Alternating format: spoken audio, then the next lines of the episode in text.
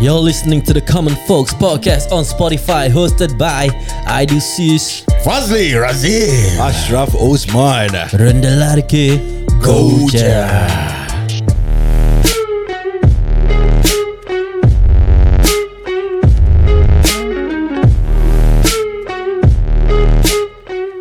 Okay, selamat kembali kepada podcast kami ya. Yeah, yup, yup, yup, yup. Okey terima kasih mendengar Common Folks di Spotify Terima kasih Yes sir. Khabar semua? Baik ah, Baik Alhamdulillah Dan apa khabar kepada pendengar kita? Yeah. Semua baik Eh, Ada orang jawab Ada orang jawab Suara Suara kau masih jual lontong je. ah. tak kejut aku Alali. Aku boleh tersiku dekat sebelah tau ya. Ini. Ah, Nari aku duduk sebelah acap kan Ni Kira ni ada fight tau Ada fight, ada fight.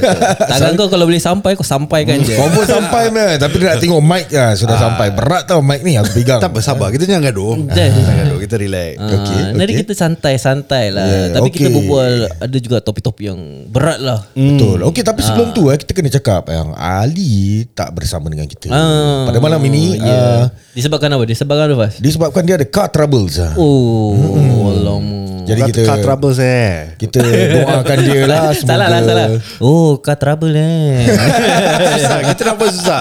Dia je dah perfect.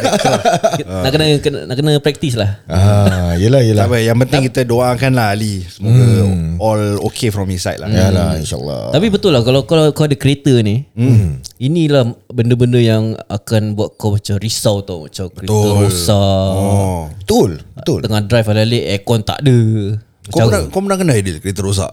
Eh Banyak kali Oh banyak kali.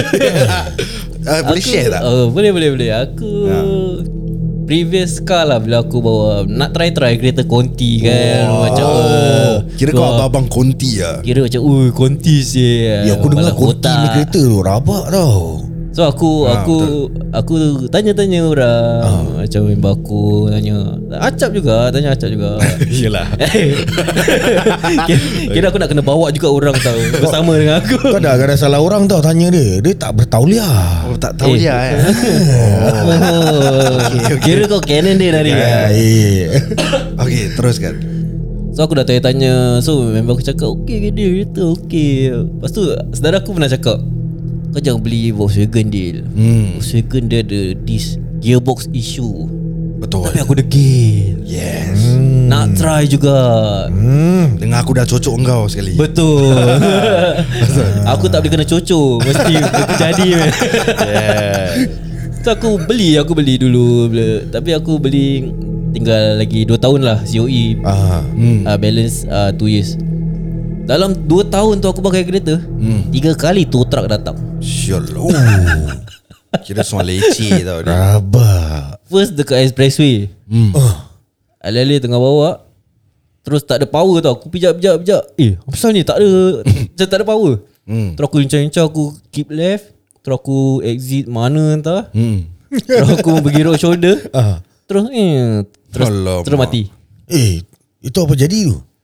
Uh, Tak tahu tak boleh start Oh. Tak yang yang first kali tu kelakar dia apa Hmm. Lepas tu TP pun sampai Lepas Oh TP pun datang eh. TP eh, tengah rounding-rounding Habis nampak Habis dia tanya aku Bro kita rosak lah Ah rosak Okay, okay aku callkan Imas Okay Oh. So Imas datang Okay, okay. So Imas datang biasa lah bawa nearest exit hmm. Habis terus cukup time Dia uh, aku Dari nearest exit tu Aku call lagi tow truck Hmm. Untuk tow pergi workshop aku Hmm. Cukup time dah check check check check Kau tahu yang mekanik aku cakap apa? Apa ah? Kunci tak masuk. Salah Eh? Bro This one uh, uh, I check already Nothing I think uh, you, must pump petrol Ish ya Allah. Eh. Lepas tu aku pergi pump Aku lepas tu aku rounding Dia, dia suruh aku pump Pump minyak Dia suruh aku rounding Kalau okay uh, Dah tak ada apa-apa Tapi apa? Kira minyak tak ada ke apa? Uh, Ada tapi dah tinggal sikit Oh, dia, dia- dia, dia, ada that oh. Alah kontinya problem lah Ah. Dia tak boleh minyak sikit sangat ah, Itu macam Okey, lah okey. Tapi Alhamdulillah Bila time aku buat konti tu Tak ada hal lah Eh ada ada ada ada Dia very electrical je Volkswagen Ah. ah. Dia very famous for the electrical Tapi problem. tapi the yang so far Volkswagen the worst yang aku punya gear, gearbox lah rosak. Wah syok oh. Rabak Tapi itulah kalau kau nak bawa kereta, hmm. ah, inilah benda-benda yang akan terjadi lah. Kira nak kena sediakan payung Ah, sebelum hujan Even kan? kau cakap kau kena service regularly hmm. lah ni semua. Kena, Tapi kena. ah, dia ada dia mesti one time mesti dia ada satu hmm. yang wear and tear yang kau tak perasan hmm. mesti kena. Aku ada kenal satu kenalan dia bawa Golf, Volkswagen Golf kan. Hmm. Overall 8,000 lebih. Hui. Hmm. Kira dia dah tahap rabaknya Terus dia kena sampai 8,000 Aku tak tahu apa dia buat lagi lah Sampai 8,000 Aku kena gitu aku jual terus ya. Eh, tapi 8000 lebih kira down engine semua. Aku rasa the whole thing lah maybe Wah, rabak. Oh, nanti dia beli, beli kereta lain bayar 8000. Ah, itu dia. 8000 banyak tau. It's a big sum. Eh. hmm, Tapi ni masing-masing lah Mungkin dia bayar duit Kita tak tahu ah. Kalau kalau bayar duit boleh, ah, suka hati kurang lah. Betul Ah. betul Betul, betul, betul. Tapi kita nak bincang pasal satu perkara yang baru-baru terjadi lah aku baca terdampak kat Instagram kan. Eh apa dia eh Apa ni? This nurse. Kau tahu sekarang pandemik kan. Aha. Covid Bukan COVID-19. dah, bukan dah endemic ke Okay, sekarang dah endemic lah so called. Tapi bila time dari dari start tu, hmm. so tak boleh keluar negeri yang kerja kat Singapore tak boleh Malaysian tak boleh balik negeri Yes. Kalau yeah. Kerja kat Singapore Diorang stuck kat sini Sekarang dah almost 2 years Two years, yes, correct. So the the worst is the nurse lah pasal nak kena handle covid patient ni semua. Yes understand So this particular nurse have gone into depression Hmm. and commit suicide. Eh, Eh ni serious lah news eh Serious serious serious. Bila eh? Dia tak tahu. terjadi hari ni ke apa ni? Uh, so far the news is macam really viral going around is today lah. Ah. So aku rasa the uh, last few days ke apa lah. Oh really aku tak nampak sih kat Instagram ke mana-mana Ah, tu sebab pun Mothership tak cover ke Mothership uh, maybe bel- tak, tak tak perasan pula. Tapi aku nampak macam orang share share share share. Aku tengok eh rabak juga saya kira macam dia nak nak, nak balik Malaysia tapi macam orang cakap tak boleh pasal tak boleh tak cukup manpower tak cukup nurse. oh, So dia orang Malaysia lah. Ada orang Malaysia. Oh, So Kesian tak, eh. Tapi macam benda depression ni Kadang-kadang kita tak boleh nampak tau. Hmm betul. Macam Ah, betul. Macam letak lah Satu Macam Aku ada satu orang yang aku kenal ni Dia ada anxiety attack lah. Eh dia ada anxiety. Hmm. Ah. So aku pernah tanya Anxiety ni Apa yang kau rasa? Hmm. Cakap aku rasa macam nak mati dia Ah, Nak mati eh? Cara dia. Tapi bila kau nampak dia Dia setakat macam duduk Termenung. Hmm. Tapi uh, Kira dari Dia punya point of view Dia macam nak mati lah I see, I Ah, So see. so kita tak boleh tahu apa. Oh, okay. Kau boleh nampak aku tengah duduk gini Tapi actually aku tengah macam Anxiety attack ke ah, Yang macam Sorry Yang kawan kau anxiety problems tu uh, Itu kawan-kawan rapat ke Atau kenalan jauh ke macam mana? Okay lah Kira ra- rapat Rapat jugalah. Oh, I think it's good We can bring him in Zoom ke apa eh? Tanya Ah, pasal Boleh boleh Kita boleh. ah, Pasal dia pun dengar juga Kita punya Eh, podcast. nanti Ah, ah, call dia ni. Eh sekarang aku rasa dia dah dia, dia, dia dah tidur lah. Nanti dia Oh, lagi ya. anxiety Kita call. Ah, betul juga. Kira for, for, sam- sampai sekarang Kira dia still on medication ni semua. Eh, Ah, Maybe Oh one- dia dah tahap medication eh? Ah, dia sampai uh, ada satu kali dia pergi IMH for psychiatrist punya. Oh man. So so okay. Da, dalam dia punya anxiety bila tengah anxiety attack tu apa dia tengah go through tu? Kau, kau dia ada pernah explain kat kau tak? Dia is really macam tak boleh kau tak boleh macam cak, eh dia tak boleh cakap macam oh aku je macam gini. Actually dia macam-macam. Susah nak explain Susah lah. nak explain Macam Oh. aku Dia boleh cakap ni Tapi Tu one part of it hmm. okay. Another part is lah lain-lain punya ah, Aku pun ada anxiety problem kau ada Ada serius uh, To be honest Bila Kalau aku start to Think about Macam uh, Future Pasal jobs ke apa kan ah. uh, The economy ke apa kan uh. Nanti aku ada This anxiety datang Macam aku risau Aku Ah. gelisah Aku macam takut Aku macam uh, Not really into depression. Cuma aku akan risau dia Boleh sampai anxiety. Macam malam susah nak tidur. Ah, macam aku banyak fikir tau. Macam eh boleh ke aku kerja Macam gini? Boleh ke aku berhenti kerja ni? You know That kind of itu situation. bukan um, terbawa-bawa ke tu? Anxiety lah. Oh. I mean in in the English term aku can Dia anxiety dia macam Dia very broad tau. Yeah. Dia doesn't mean macam Anxiety is Satu part je. Oh. Macam Acap pun Maybe Another part of anxiety. Ah probably probably it like started off with overthinking and then it leads to anxiety. ah, ah okay okay okay Sama macam anxiety Depression. Depression lagi teruk. Hmm. ah, Macam panic attack pun Another another problem. Ah. ah. panic attack tu yang dia kena tiup back tu kan? Ah, Tu aku tak tahulah. Tiup back eh. tiup back lah. Dia kena inhale exhale lah pakai back kan? Tak ke? Ah, aku tak aku tak sure. Aku tahu macam Kalau tiup-tiup ni dulu lah Isap gam Oh. Kau pernah Insta kau? Kau pernah? Tak pernah lah Aku tak pernah lah Ni kalau Ali ada dah kena marah kau. Kira dengar-dengar member cerita lah Tapi apa-apa pun uh, Kita daripada common folks Kita akan doakan Dan insyaAllah kepada sesiapa yang Ada penyakit macam gini ke apa uh, Kita akan doakan yang terbaik Untuk korang lah InsyaAllah InsyaAllah InsyaAllah. Cuma kira macam Kalau kau tahu macam orang ni Having a depression ha- You have to help lah Ya. Ah, you have to do something about it daripada kau stuck kat tak lah kau jangan bepek lah kau bedek lah ni yeah. semua. You never know macam kau dia balik dia dia boleh datang kerja happy tau. Ah. Ya macam Fah, macam macam ni macam semalam buat apa ni? Yeah. Balik dia stres nangis ke alali. Ya, Ah, alali tengah duduk termenung alali nangis. Ah that kind of Oh. things lah. Before this aku Macam fikir macam merepek lah Orang-orang gini macam pada aku exaggerate Tapi when aku dah really sit down Aku meet this type of people kan Then aku, after that Macam aku cakap Aku pun kena this type of attack Aku Dia sangat lagi Wah fast you. Eh, Brother you you need to work on that lah bro. Tak ada, aku tengah brief, brief in. Oh brief in ah, Ah, oh, brief in eh Nafas dalam lumpur. okay. Ah. So apa tadi aku stop Okay oh, Aku Ingat kan Diorang exaggerate So be, after that Aku dah go through everything Then aku try I mean aku understand That eh actually ni benda Depression ke Anxiety ni semua Serious man case tau. Ah, it's a real we, thing. we need to address it lah. Correct. Yeah. So aku pun ada lagi satu case Yang uh, anxiety juga. Hmm. Apa dia? Dia memula bila aku nak pergi gunting rambut Asal kau anxiety Lepas tu kau terlepas main cuma eh Tak ada tak ada ini, ini pasal dia gunting tak guna main merepek ni kan. Ini aku geram ni Okay kenapa Aku nak share ni Cerita, ceritakan Ceritakan So satu hari ni aku nak ikutin rambut mm-hmm. Sikit hari lah hari Okay. ya, Aku nak ikutin rambut So aku Sikit-sikit gunting rambut. Sikit-sikit gunting rambut. Yelah Jadi aku tak nak bilang kat mana eh. Okay tak payah So aku just go to that place Dia ada dua kedai barber Melayu. So uh, sebelah yang laku. Uh, Dengan lagi sebelah tak ada orang. Okay So aku malas nak queue. Aku pergi yang tak ada tempat tak ada orang. Okay. So bila aku dah pergi tempat tak ada orang tu pak, Yang anu tu pakcik lah Yang Ah. tukang gunting dia Dia seorang Dia seorang. Okay So he's the business owner Dia lah barber. Okay Okay. And after that uh, Dia cakap ah, nak gunting eh? Ah gunting abang. Uh, Bang Orang tahu gunting fade lah Fade Rambut fade ha. Kau berbual gitu dengan dia Ha? Kau berbual gitu dengan Aku dia bah, abang tahu gunting rambut fade tak? Okay Tak, aku panggil cik Cik, cik tahu gunting rambut fade tak?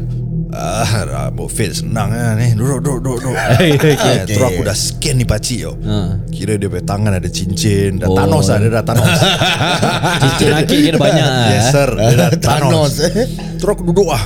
Aku duduk, uh, dia dengan aku lah. First dia cakap, uh, Gunting rambut fit ni sebenarnya Daripada cheap man time 70-an 80-an ni Semua budak-budak Chinatown dah buat. Dia cakap itu dak-dak Chinatown. Okay Dia cakap dak-dak China Tak lah. Dia cakap budak-budak Oh, Chinatown. okay, okay, okay. Aku pun dah ngantuk. Aku dah malas nak layan dia kan. Aku just ah ah ah je lah eh.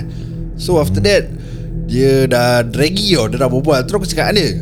Ya Wah cik sini tak ada orang eh. Sebelah tu ramai Aku pergi attack gitu. Ha. Cakap sebelah tu ramai. Ha, Biasalah Ada orang Macam sebenarnya eh. Cik kat sini dah lama tau. Okay. Lepas tu sebelum sini pun Sebelum sini kat tempat lain pun cik dah buat Dah 25 tahun cik dah berniaga tau. Kira dia dah ba- jadi barber Ah, 25 tahun lah. Oh kira- lama. Dia semua buka cerita lah. Lepas tu aku cakap Eh iya ke? Terus dia cakap ah, Betul. Lepas tu Dia Dia just continue Gunting rambut aku Tapi dia masih berbual lah. Dia cakap uh, Kau cakap lah Nama-nama Nama cik uh, Dia cakap uh, Kau jangan panggil cik Panggil abang Okay Ah, terus aku oh okay sorry abang. Ah, terus dia gitu dia cakap ah, yang gunting fade ni semua daripada orang lama dah buat. So after that dia dah berbual-bual lah bro. Dia dah berbual terus dia selit pasal dia tanya aku ada anak ke belum. Okay Terus dia cakap ah, belum rezeki lah. ha. So dia cakap Terus dia macam puas tau So dia puas Dia macam Okay kau dah usaha ke belum ha? Terus aku cakap Apa maksud abang usaha Mesti lah saya dah usaha Saya dah pergi doktor Dah pergi cek ni. Kau pergi doktor buat apa? Oi. Eh dia Oh, marah. Dia marah aku sial. Terus aku cakap Kenapa tak boleh pergi doktor? Tak Doktor tu bukannya semua betul. Eh. Alamak Terus aku dalam otak aku Gua dah tahu lu punya orang macam mana. Okay ni typical pakcik-pakcik punya tau. Ah, Ah. Betul. Tak, tak, tak percaya doktor. Ah. Correct. Aku dah sort. Okay. Cuma aku just tak nak Tunjukkan dengan tak nak melawan dia Pasal dia tengah gunting rambut aku. Okay okay, ya, okay. Jadi aku nak sempurna. So Dia cakap ah, Kau patut solat macam gini dia, dia, dia dah ajar aku nak kena solat. Okay, okay aku diam. Terus dia cakap Kau tahu tak Benda-benda macam gini kau kena puasa? Terus aku eh puasa eh. Style Ali lah Oh puasa eh. Dia cakap ah puasa. So Aku cakap puasa macam mana? Dia cakap hari Senin Dengan hari Kamis. Hmm. Dia cakap okay puasa. Okay lepas tu Dia cakap kau tahu tak Kau tak boleh makanan tak, Kau tak boleh makan Makanan yang bernajis. Hey huh? Terus aku diam Kira buntut ayam tak boleh makan eh? Dia cakap kau tak boleh makan Makanan bernajis tu Maknanya makanan berdarah Ah. So, so aku cakap bagi contoh lah Okay Daging Ayam Tak boleh makan Dia cakap pasal dia berdarah Ikan pun berdarah Ah, itu pasal. Lepas tu dia kata pasal ini macam meat apa-apa meat yang kira ada uh, yang berdarah dia cakap najis. Terus hmm. cakap iya ke? Aku cakap itu kalau gitu banyak orang makan ayam. Hmm Ah, kalau tu ayam berdarah orang cuci orang gini orang dah makan ber. Betul Cakap itu yang orang tak tahu. Hmm. Terus dia dah suit ustaz bro. Okay, dia, okay. Dia dah cakap ah ustaz-ustaz ni semua kau tengok ada ke cakap benda begini? Tak ada. So ni cik ah, abang nak cakap kau ini terpulang lah. Benda-benda yang berdarah ni sebenarnya tak bagus untuk kita punya kesihatan Seperti contoh ayam, daging ni semua Kadang-kadang boleh tapi tak boleh selalu Jadi kalau benda itu dah bernajis Dia nak ambil Al-Quran bro Oh. Ui. Dia cakap uh, Apa, minum arak haram Okay betul Okay betul Aku cakap betul Jadi Elakkan makanan bernajis Okay Jadi dia cakap bernajis tu is ayam. Eh. Terus aku dah mindfuck saya. Aku cakap apa yang ayam eh? Kalau itu tak halal tau ayam. Dia cakap kalau kau makanan Makanan bernajis Maknanya barang kau kotor Sah ke kau punya solat? Eh. Eh. Aku terus dah. Ki- Kira apa dia nak cakap ni? Ayam tu dah tak halal tau. Aku dah mabuk tau ni Ah. Dengan kau cerita. Aku dah terus macam Kau diam sial Kau gunting rambut aku sial. Apa kau berbual sial Pasal Aku solat tak Orang yang makan ayam Bernajis tu kira solat dia tak sah Apa punya logik sial kau berbual Kau tak, kau tak tanya dia Habis, kau, habis uh, abang makan apa? Aku tak tanya pula eh. Ah, tu lah Dia Tu makan aku kari pokok agaknya Aku tak tahu Step, step vegan je Betul makcik Pelah otak eh, kau Nampak apa kena gitu Ah, terus aku dah macam oh okay, aku dah aku dah tahu dia dah go to that uh, extent kan. Ah. Aku just shut aku memang aku hmm, okay lah, yelah. Aku yelah je lah.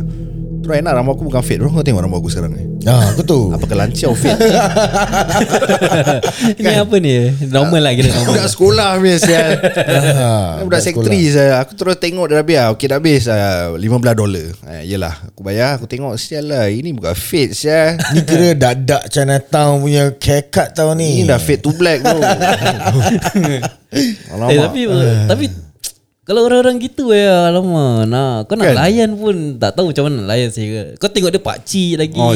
Kalau kau nak kurang ajar Nanti orang cakap Kau kurang ajar dengan pakcik Tu tak apa deal Habis kalau kau kurang ajar Dia sort kan kau Rambut kau dia kasih petak. Ha. Ah, lagi kurang ajar Petak kes tak perasan punya tau. Kat belakang dia eh. Ah, tu dia. So tu aku fikir kan. Jadi aku diam Aku layankan. Then Kira aku ada few pointers. First dia cakap pasal agama. Which kau actually Not certified as ARS Untuk berbual. Betul. And then ini Biasa pakcik-pakcik Will come with their own theory Of Betul, agama betul. Which aku malah layan. And then Another point Yang aku tak suka Pasal dia gosip Pasal kedai sebelah tu. Oh. Oh dia gosip lagi. Gosip Apa lah. dia cakap Pasal kedai sebelah? Kira dia cakap lah Pasal dia kan Macam aku cakap tadi Dia dah lama ni semua kan. Aha. So dia cakap lah Actually Diorang ni charge mahal 25 dolar Gini semua Semua wayang lah Gini semua. Kira dia gosip lah Aku tak nak go to the extent lah. Nah so For me it's not right lah. Kan macam Kau berniaga Lepas tu Kenapa kau nak kena Berbual pasal orang lain yang berniaga Betul. Ah, eh, Betul. Tapi eh, Aku pun ada satu cerita ni tau Okay silakan apa Ah, itu hari aku nak beli epok-epok sardin lah. Bini aku suruh belikan. Okay Eh. Okey, so aku dah queue kat kedai ni pun dia ada dua tau. Okay. Ha, Okay. Satu satu long queue, satu tak ada queue. Okay Yang tak ada queue ni pun ada epok-epok sardin yang Kat mana ada, kat mana kat mana Ah, Tak ada daerah. Tak boleh cakap. Lah. Tak boleh cakap. Oh korang macam sial juga ah, Nak tahu. Kira tanya laju tau. Kana kana kana Ah. Kira dia dah ah, ah. I dia tanya kau cakap aku. Ah, ya, Semua. Okay okay. tak pasal fastnya orang kau berbual laju kan? So kalau kau tanya laju so, Dia lost, tak, eh? Takut dia ter, terus tercakap. Ya ya ya ya ya ya ya. Ya Oh kau kacau aku eh? Teruskan fast Teruskan. Okay so Aku pergi kat long queue ni ha, Ni confirm epok-epok dia sedap kan hmm. So aku dah sampai kat depan tu hmm. Dah habis epok sardin. Alamak okay So aku Ini yang long queue? Hmm, yang okay. long queue lah. So dia cakap uh, Aku tanya abang Ada lagi tak anak goreng? Dia cakap uh, Dah tak ada dik. Dah habis lah Habis pun sardin. Alamak sweet So aku bilang dia ah, Okay bang. Tak apa lah. Ah, Dia bilang Dik tak nak beli apa-apa kentang. Ah, Tak nak. Bini saya nak sardin je So aku Okay. pergi kedai sebelah. Hmm. Tak ada queue pun So aku just Okay, apa kesut ke tepi je lah. Aku cakap Langsung ah, lah. ah, So aku cakap ah, Kak Saya nak ni apa-apa sardin Kasih 4 dollars hmm. So aku tengah tunggu tu Makcik tengah packkan Abang tu cakap aku Din Ni kedai sebelah ni Bepok sardin tak sedap sangat tau Din Eh, lah, lah, kira dia datang kat kau. Ha, kedai aku tengah tunggu tu kan kedai dia kan Sebelah-sebelah. sebelah-sebelah. Aku Okay. in between lah kedai dia. Oh, okay, Oh, okay, okay, okay. Terus dia dah serve tu customer Terus dia mau bisik kat aku macam gitu Sialah. Cakap eh Tak apalah Abang punya paper sardin kan dah habis. Hmm, tak? Rezeki dia lah Saya beli pada dia. Oh, kau cakap gitu? Ah, Aku cakap Okay. dia tu. Lepas tu? Terus abang tu cakap Tapi ni tak sedap sangat. Dia, dia jual epok sardin bawang. Dia cakap banyak bawang dia. Bang dah Lah lah tak apalah bang ah, Ni kalau sedap Sedap lah bini saya makan aku, Saya rasa okey jugalah bang So aku Bastard, enak Syal. ha, Enak aku makan epok sardin sebelah pun okey juga Allah Dia lain orang lain ras, cita rasa ah, Kalau- Yelah Tapi betul. tak boleh lah macam gitu eh. Ya, tu dah rezeki kira- dia rezeki dia lah, rezeki orang lain, rezeki orang lain lah. Kau tak boleh langgar orang gitu Macam tu dah salah Pada aku Etika bisnes tu kau nak kena betul-betul Ah, Syal. ha, Kau nak bikin bisnes Biarlah betul-betul Kau Kalau orang tu punya rezeki Biarlah Kau ucapkan yang terbaik je lah Untuk orang tu betul. Kalau kau punya Kau punya long queue lagi Kau Ha. tak tahu nak ini apa tu ah, Syukur. Bersyukur betul Betul.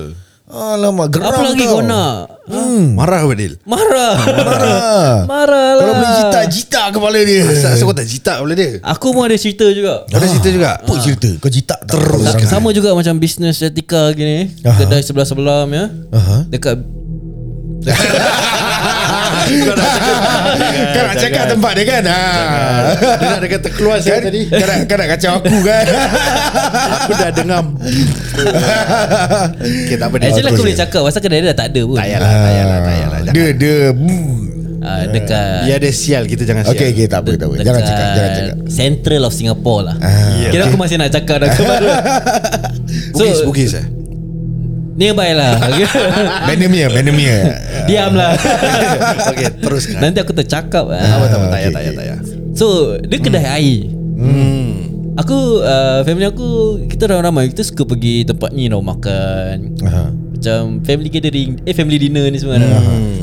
So macam This kedai air ni Kita selalu beli tau. Hmm. So Normal lah macam Lepas tu dah macam dah kenal Habis macam every time datang Eh nak Dah air apa? girit dah, lah. dah girit punya lah. Hmm. Dengan Habis kadang-kadang Pasal Pasal kedai dia uh, Dia orang selalu bawa anak dia orang Macam malam-malam. Hmm. Dah datang sekolah dah habis semua. So nanti anak dia tolong hantar air. Habis kita Oh, cakap eh. "Oh, Kira cute lah." Cute lah. Oh. Budak-budak hantar air. Ah. Ada air tebu tak? Ada ada ada. Uh, With lemon pun ada. Okay okay okay. Teruskan.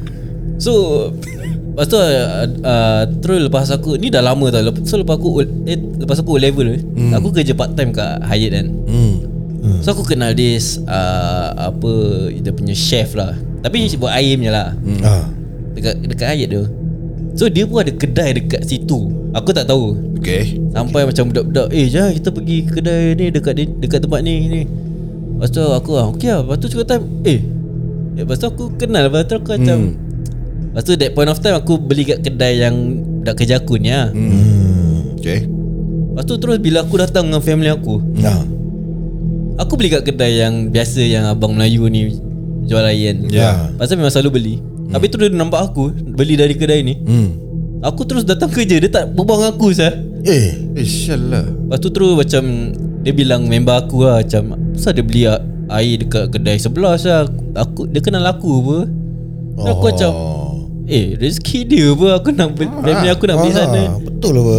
Kalau Kira dia tak happy lah ah, eh Kira dia tak happy lah Habis dia tak berbual aku tau Sampai tak berbual eh. Aku baru 16 tahun Syul Oh sial Engkau umur dah berapa Rambut dah putih dah Oh dia dah tua Eh. lah Dah tu uh, Kira dia uh, In Muslim Oh uh, Tapi sebelah-sebelah jual air Habis sikit-sikit nak merajuk apa je Kau ni. kau macam Kau think sial. kau lah Kau dah tua Ah, sial. Kau merajuk dengan budak kecil saya 16 Kalau gini tahun aku dah tak support lagi lah. Dah tahu ah, orang Terus aku gini, kan. macam Apa Kalau aku sampai bilang Mak aku semua tau Hmm. Jangan, jangan duduk Kira duduk jauh sikit lah Jangan nampak Jangan lah kasi nampak lah Ah. Kira jaga hati lah eh ah, Macam meripik lah Yalah betul lah Tapi macam gini Dia kerja Tapi dia kerja sama dengan kau lah Tempat sama Ah, tempat sama. So oh. kira before that macam gitu tau. Macam Hmm. kadang-kadang aku minta dia tea kat kerja kan. Oh Eh, but man, uh, eh one tea lah, one tea. Ah, nanti dia buat, ah, okay lah. Oh Lepas tu terus aku letak minta, dia pun tak berubah, aku boleh layan lah. Oh sial Ah, Macam mana saya berniaga macam gini Hmm, tak Alah, boleh. re- Rezeki apa ni semua Betul. Dia tak bagus lah pada aku. Tak Kompetitif bagus. lah macam gini Kau kompetitif memang tapi on another level eh kalau orang tu yang dapat kau doakanlah orang tu. Kau kau kira muslim tau. Kau tahu tau etika dia macam mana. So kau tak boleh eh dia ni sial lah pasal dia dapat customer aku tak ada Yeah. customer. Kau tak boleh gitu. Okay. Dia tak datang punya. Betul lah So kalau kau fast Kalau kau berniaga kau gitu ke tak Kalau aku berniaga, Ha. aku kau nak pergi kau pergi sana lah. Kau nak datang ke tempat aku kau datang. ke tempat Tapi tapi sekarang Ha. Kedai kau Tak ramai orang datang tau Kedai sebelah Kira long queue Okay kita kasih okay. Ah, okay kalau gitu pun aku tak okay. apalah. Kedai Kau jual kedai air eh Ah, aku jual kedai. Kedai air Kedai air kau tu Ada air Raibina je Aha. Aja satu je Dengar lah dengar. Ah, yelah, yelah, Satu eh. Raibina Ah. Lepas tu sekarang aku Aku dengan Aidil customer kita members datang Ah. Okay uh, Kita cakap Bang Ni ada jual air apa bang Cakap, Air Raibina ni uh, Tebu tak ada tebu? Tak ada. Raibina satu je. Ini Raibina special meh Raibina. Apa yang special dia bang? Air Raibina dengan ais. Kalau ma- kat luar Raibina dia tak ada Oh, ais. okay, tak apa abang. Saya nak ijat air tebu lah Mungkin kedai Ah, sebelah ni ada. Okay okay. Boleh? Boleh? Oh boleh eh? Oh. Apa Syal Apa? Senang lah gitu. Oh, Orang okay. Habis aku jual Raibina je. Apa modal aku? Air panas pun tak ada. Okay, okay, okay, Kira air okay, panas okay. kosong pun jadi Syal lah Okay okay okay, okay. okay. Ah, Acap acap. Ah. Kau Kau ada uh, kedai? Okay, Ada kedai. Kedai okay. makan Melayu punya lah. Melayu punya, Kau okay. dengan isteri lah bersama. Wah, best Buat, buat satu war, uh, kedai. Okay. Jual uh, Melayu Mi rebus. Normal lah mi rebus lah Mi okay siam lah. nama, nama kedai aku apa? Ah, Kau kasih lah sendiri nama kedai. Nama kedai kau Lenyek Lenyek Acap Acap kia. Okay tak tak tak. Lenyek lah eh. Lenyek. Okay lenyek Okay sebelah Makcik tau. Kes dah berpuluh tahun ke, uh, Berniaga punya. Ya aku tengah imagine Jual okay. makanan yang sama. Kira dia dah Dia dah dekat situ lama. Oh aku kira Kau, masuk kau second kira lah baru buka. Yeah. Oh okay okay okay. So dia punya queue Usually panjang. Hmm. Tapi tak sedap sangat. Okay So kau punya kira baik Hmm. Tapi queue tak Ni pasal banyak. baru Kau baru. Queue ah Sikit lebih kurang punya queue tau kau Okay okay okay, Okay okay. so aku dengan Faz datang ke? Hmm. Datang kedai aku. Ah, Datang ke? Tak first kita dah beratur dekat ni. Kira macam cerita Faz tadi Kita dah beratur Ah, yang kita panjang beratur eh. panjang ni Kira panjangnya out of stock. Ah. Ah, Oh So, apa aku akan buat eh? Hmm, apa aku datang kat kau? Apa kau akan buat? Ah, bang sini bang, bang sini bang. Ah, sana dah habis eh. Ha, ini apa yang sedap dik Sini ada nasi ayam, ada mi goreng, maggi goreng, uh, maggi kari. Ah, tapi tapi dik masak sama macam sebelah tak? Sebelah sama. Sama, eh? Sama insyaAllah lagi sedap bang. Ah, Kat sebelah tu tapi apa yang buat abang adik punya sedap ni? Pasal saya selalu TikTok ah, kan kurang kurang ajar bicycle kick ni tau orang kata. tak, tak, tak. Pasal kat sebelah tu sebenarnya Dia pakai barang Oh. ah, dia, dia ada pontianak tu duduk kat atas kedai Eh, iya ke?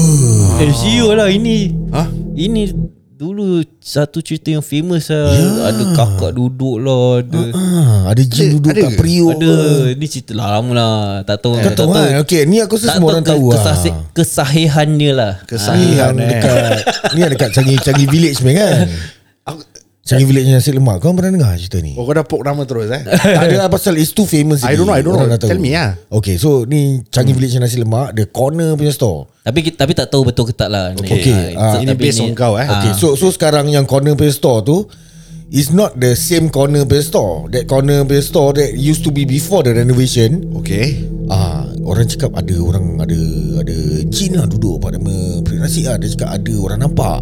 Hmm. Yang famous sekarang bukan corner kan Dia dah tengah sikit kan Ah, dekat tengah sikit. okay, sekarang tapi yang dekat corner tu hmm. laris sekarang panjang queue dia. Dulu Dulu dulu dulu Oh dulu, ah. Okay okay Teruskan yes. So the the current one is not the the the, the stall yang yang before So renovation it's lah. different owner Ah, lah sekarang dah different owner. So still queue panjang. And orang Okay. cakap masih ada jin duduk kat situ. Legit ke Aku tak tahu. Oh alam lah Ha, Allah Alam. Tapi kalau betul dia pakai jin eh, Itu dah kira kurang ajar lah. Kau nak buat laris Bisnes kan. Sana ada 4-5 orang jual nasi lemak. Fair game lah. Betul apa? Okay, Kalau sedap mesti orang datang ke apa? Betul. Tak semestinya kau Oh aku kat corner ni Aku nak Jai jai Jin tu duduk mana? Kat periuk nasi dia. Periuk nasi. Ah, Yang tu aku dengar tu. Ah, Sam, Kira kedai yang sama Ah. Tapi jin tu duduk Atas kau. Eh seram juga Kira eh. kau tengah beratur ni Eh. Ada jin duduk Kira Bawa kau pergi kedai tu Beratur Tunggu. Eh seram Syol. Tapi tu aku tak tahu lah Betul ke tak Ni orang Oh, cerita lah. tapi, tapi aku tengah imagine Aku pasal tengah seram. imagine. Seram Syol. Eh tapi ada ke? Sekarang-sekarang ni Orang masih pakai Macam Eh. sihir Untuk lariskan Pelaris lah kira. Ada bro. Mesti ada lah. Ada bro. Aku tak ada cerita tau Pelaris. Pasal benda-benda ni. Aku tahu tu satu je lah Macam gitu. Mesti ada Mesti ada. Pasal pasal bisnes ni Lagi-lagi macam makanan eh. Ya. Kau kau, kau mesti nak maju apa Betul. Kau nak kau Dog nak eat dog world Ah, yes, it's a dog eat dog world. Tapi semua orang pun nak maju. Kau, Aku nak maju, kau buka nak maju. kedai Mesti kau nak profit apa Yes, Exactly. Correct. Ya. Sama macam kita buka podcast Ah, hmm. Kita nak ada keuntungan Kita nak kita ada tak nak buat. Kita tak nak buat benda ni free-free Ah. Yalah, sama, yalah. sama juga Macam kedai makan Kalau kau buka Letaklah ni jual briyani Lepas Hmm. tu kau pun nak buka brand, briyani kat sebelah dia Hmm. Mesti kau nak macam Eh macam aku nak untung eh? Hmm. Hantar barang lah. Lincah punya. Kasih kedai sebelah lungkup Aku punya maju. But that's the thing. Kenapa kau nak jual benda yang sama Bila kau nampak depan tu dah sama? Kira kau nak fight lah. Kira kau nak ah, Kau nak fight lah. Kira macam kau nak tunjuk Yang kau lagi hebat Lagi kau pakai barang. Cari lah location lain. Ah itu dia. tak, kadang-kadang, cabut. kadang-kadang location main peranan. Location ni Memang selalu orang datang. Oh so no choice lah. Ah, Ada ada location Letak ah, kau, kau buka kedai kat Toa Payoh. Ah, Okay Kes orang yang yang lalu lalang banyak Cina. Hmm, so Cina pun tak pandang sangat kedai Melayu selalu- usually. Betul, Especially eh, kalau kalau kau tak jual macam mie rebus ni semua orang tak pandang sangat. yeah. Dia nak makan mala mala Ah. Malah hot pot. Tapi okay Imagine sekarang Kita buat bisnes makan okay. Dekat Changi tu Ah, Canggih, canggih okay. Kita pakai jin Okay. Kau rasa kau nak jin tu datang macam mana? Kira duduk atas kepala orang ke Duduk atas kedai kau ke Atau duduk kat periuk tapi jin tu nak tanya dia pakai toncit ke tak tu jin? uh, Tak tak tak Dia dah buka tuncit dia Jin berjambul ni kali Dia ada jambul Jambul. Jambul jambul Jin Jin uh, uh, ni fit. Jin fit. ah, eh. Jin rambut fit Macam Okay. mana Macam mana kau nak uh, Positionkan jin ni Kalau jin tu kan Aku uh, Just duduk je lah Pak ni Buat makanan dia sedap lah Kira duduk kat Makanan dia lah Oh dekat atas pinggan customer tu. Bukan Periuk, pinggan periuk, Aku rasa periuk, pa- periuk Ataupun lauk-lauk dia. Lah Aku akan position dia kat situ lah Aku position dekat atas kedai tu. Ui atas kedai Atas eh. kedai kira macam besar punya jin. Ah, Kira kira dari jauh orang tengah jalan kan kau, kau dah jin tu dah jin tu dah panggil panggil. Ish lah seram juga Zaki lah Eh sial lah. Kira aku bawa aku dah seram. Ha tu dia. Kira atas kedai tu yang menyeramkan tau. Ah, Atas kedai tau Tak, Tapi, eh, eh, yelah tak- kau imagine kat macam kedai letak macam pasar gilang punya kedai-kedai. Hmm. Tapi jin kau tu duduk kat atas, Atas, dia. ya Allah. Kira nama nama kedai kau tu. Tapi duduk atas tu Oh. Macam besar punya Hitam punya Ish Ya Allah Lepas tu nama kedai I Delicious ah. Delicious I Delicious I delicious eh Tak aku tukar I Delicious ah. Letter I lepas tu sebelah dia Delicious hmm, Harus style boleh, betul, Terus style, jin kat atas Hui Ais tu Tapi janganlah jangan. Yang untuk yang mendengar tu janganlah buat. Ha. Alah, alah, kita Kira main- kalau kau nak buka kedai ni semua biarlah yang apa? Ikut dengan perjalanan Allah lah Ya, jangan macam- jangan syirik lah. Ah macam aku cakap earlier fair game ah. Okay, Ya. kau kau nak join ini, Hmm. kau nak jual apa yang orang depan tu jual. Just make sure it's fair game ah. Dia jual berapa, okay kau turunkan harga sikit ke, kau nak absorb cost ke, kau Hmm. nak buat dia lagi sedap, kau nak tambah benda lain. Itu tu pulang.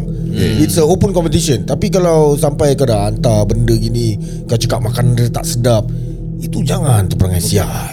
Itu orang pakai jin Kalau kau tengah nak beli makan hmm. Lepas tu kau tengok kat kedai yang tak laku tu Ah. Kat tepi Kat tepi tu ada orang tengah solat okay. Kau beli tak kedai dia?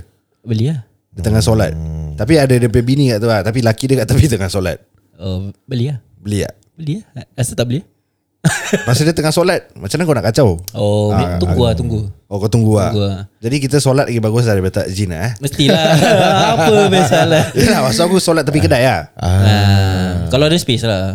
Ah, kalau aku aku suka pergi kedai-kedai yang kosong-kosong gini, kau tak tahu that uh, it's a hidden gem. Eh tapi aku pernah pergi Ah, Macam gitu Kira aku malas nak queue Aku pergi yang kosong Ah. Tak sedap Eh, Itu pun betul Itu pun betul Itu kira gamble okay? It's a it's a gamble lah ah.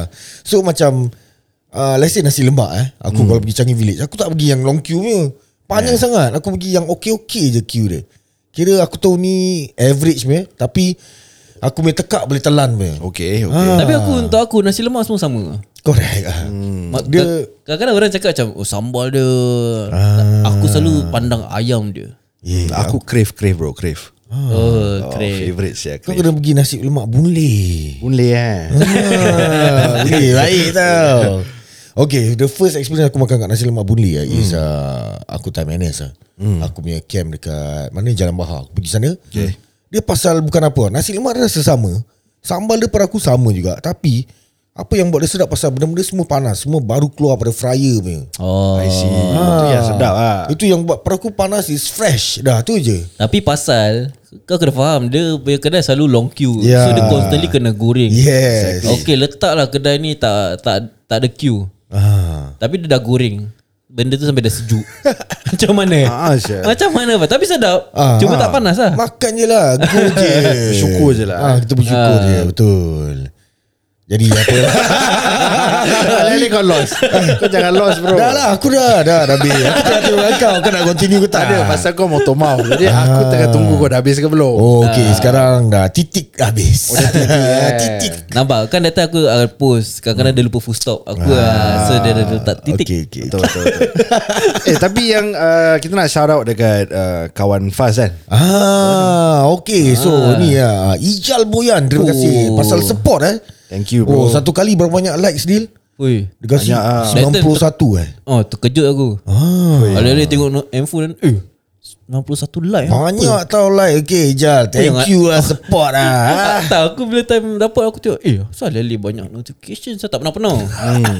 Selalu selalu 10 12 Eh terus aku tengok Ui bahaya Terus Ijal Boyan Shout out brother Thank you Thank brother you. for supporting us you. Kita pun dah, dah, dah habis kawan di episode Kita nak rest sekejap And we will come back and see you guys On our next episode Okay. Ciao. Terima kasih.